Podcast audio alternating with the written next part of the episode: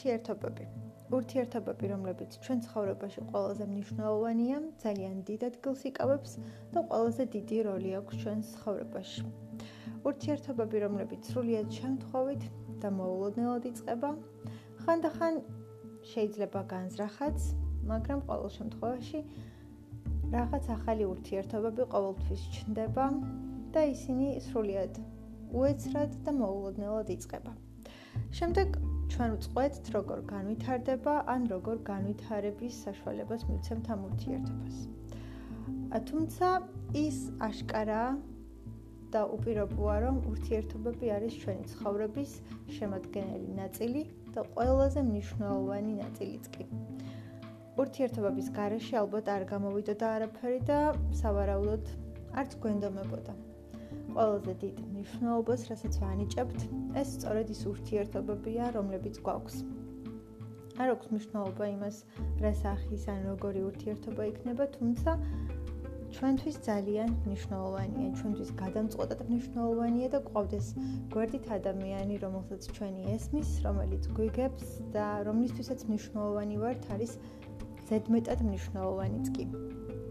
მაგრამ როდის ხვდებით, რომ ეს ურთიერთობა არის ჩვენთვის ძვირფასი, ჩვენთვის მნიშვნელოვანი, როდის ვაძლევთ ამ ურთიერთობას შესაძლებლობას, რომ კიდევ უფრო მეტად განვითარდეს და როდის ვწყვეტ იმას, რომ არა ეს ურთიერთობა მე არ მინდა, არ მჭირდება და ამ შემთხვევაში ამ ურთიერთობას მე არ მივცემ განვითარების შესაძლებლობას. როდის ვწყვეტ, რომ აღარ უნდა მივცეთ შანსი, რომ ეს უკვე ის ეტაპია და ის ღვარია, სადაც ყველაფერი გავიგეთ, ვიცით და დარწმუნებულები ვართ, რომ ეს არ გჭირდება. ან როდის ხვდებით იმას, რომ ეს სწორედ ის ურთიერთობაა, რომელიც მინდა რომ იყოს და რომელიც მინდა რომ მქონდეს. ეს ის ადამიანია, ვინც მინდა რომ იყოს ჩემს ცხოვრებაში.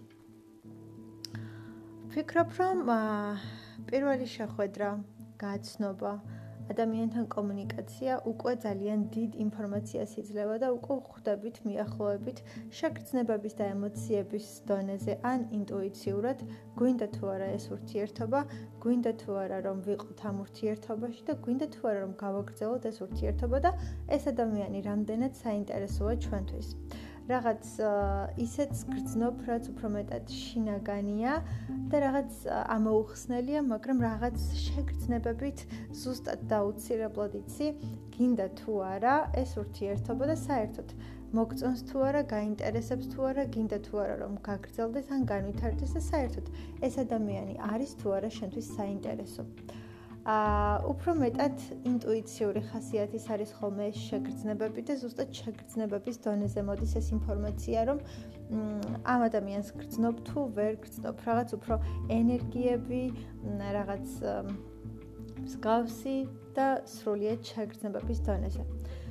აა მაგრამ ხანდახან ეს ემოციებიც შეიძლება რომ გვატყუებდნენ და თუ მაგალითად უფრო მეტად მივცემთ შესაძლებლობას, რომ ეს ყველაფერი განვითარდეს და ცოტა უფრო მეტად შორს წავიდეს, შეიძლება მერე და მერე აღმოვაჩინოთ, რომ ეს ადამიანი საკმაოდ საინტერესოა, ან გვაინტერესებს, ან პირიქით. ვცადოთ, ვცადოთ, ვცადოთ და ბოლოს მაინც იქამდე მივიდეთ, რომ რაღაცა არ მოგწონს, რაღაცა არ გამოდის, რაღაცა არ არის ჩვენთვის მისაღები და ის ზუსტად ის პირველი ემოცია და განცდა, რომ რაღაც არ მოგწონდა, რაღაც არ გინდოდა, იყოს უტყუარი. თავარი კითხვა ალბათ ის არის თუ სადამდე და როდემდე უნდა მივცეთ ამ ურთიერთობებს. შესაძლებლობა რომ თავი დაგვანახონ და ჩვენ გადავწყვეტოთ გვინდა თუ არა ეს ურთიერთობა. აა ალბათ ბოლომდე პირველ ემოციას არ უნდა ვენდოთ იმიტომ რომ შეიძლება მოვტყუდეთ.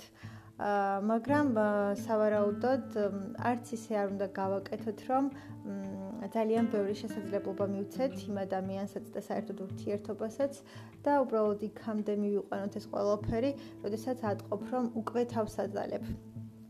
სავარაუდოდ რაღაც შუალედი უნდა მოიწებნოს იმ პირველ ემოციას შორის, რომელიც შეიძლება რაღაც განწყობებით და ემოციებითაც იყოს განპირობებული და იმას შორის, როდესაც უკვე შენ ამ ყველაფერს თავს აძალებ, როდესაც მაგალითად ერთი კვირა, ორი კვირა, ერთი თუ გქონდა ამ ადამიანთან ურთიერთობა და კიდევ და კიდევ ყოველ ჯერზე ხედავდი, რომ არ მოგწონს, არ გსიამოვნებს, არ არის შენი რაღაცა არ მიდის ისე როგორც გინდა რომ მიდიოდეს და მაინც რაღაცნაირად აძალებ თავს, რომ აიქნებ მე, იქნებ მე, იქნებ მე გამოაჩინოს თავი, ან იქნებ მე უკეთესი გახდეს, ან იქნებ მიუცე შესაძლებლობა.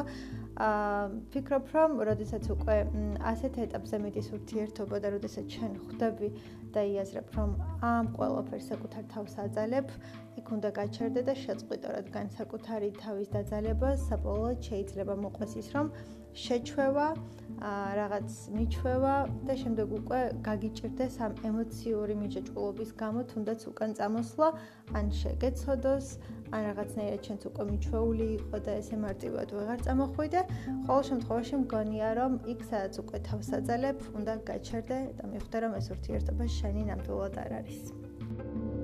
Thank you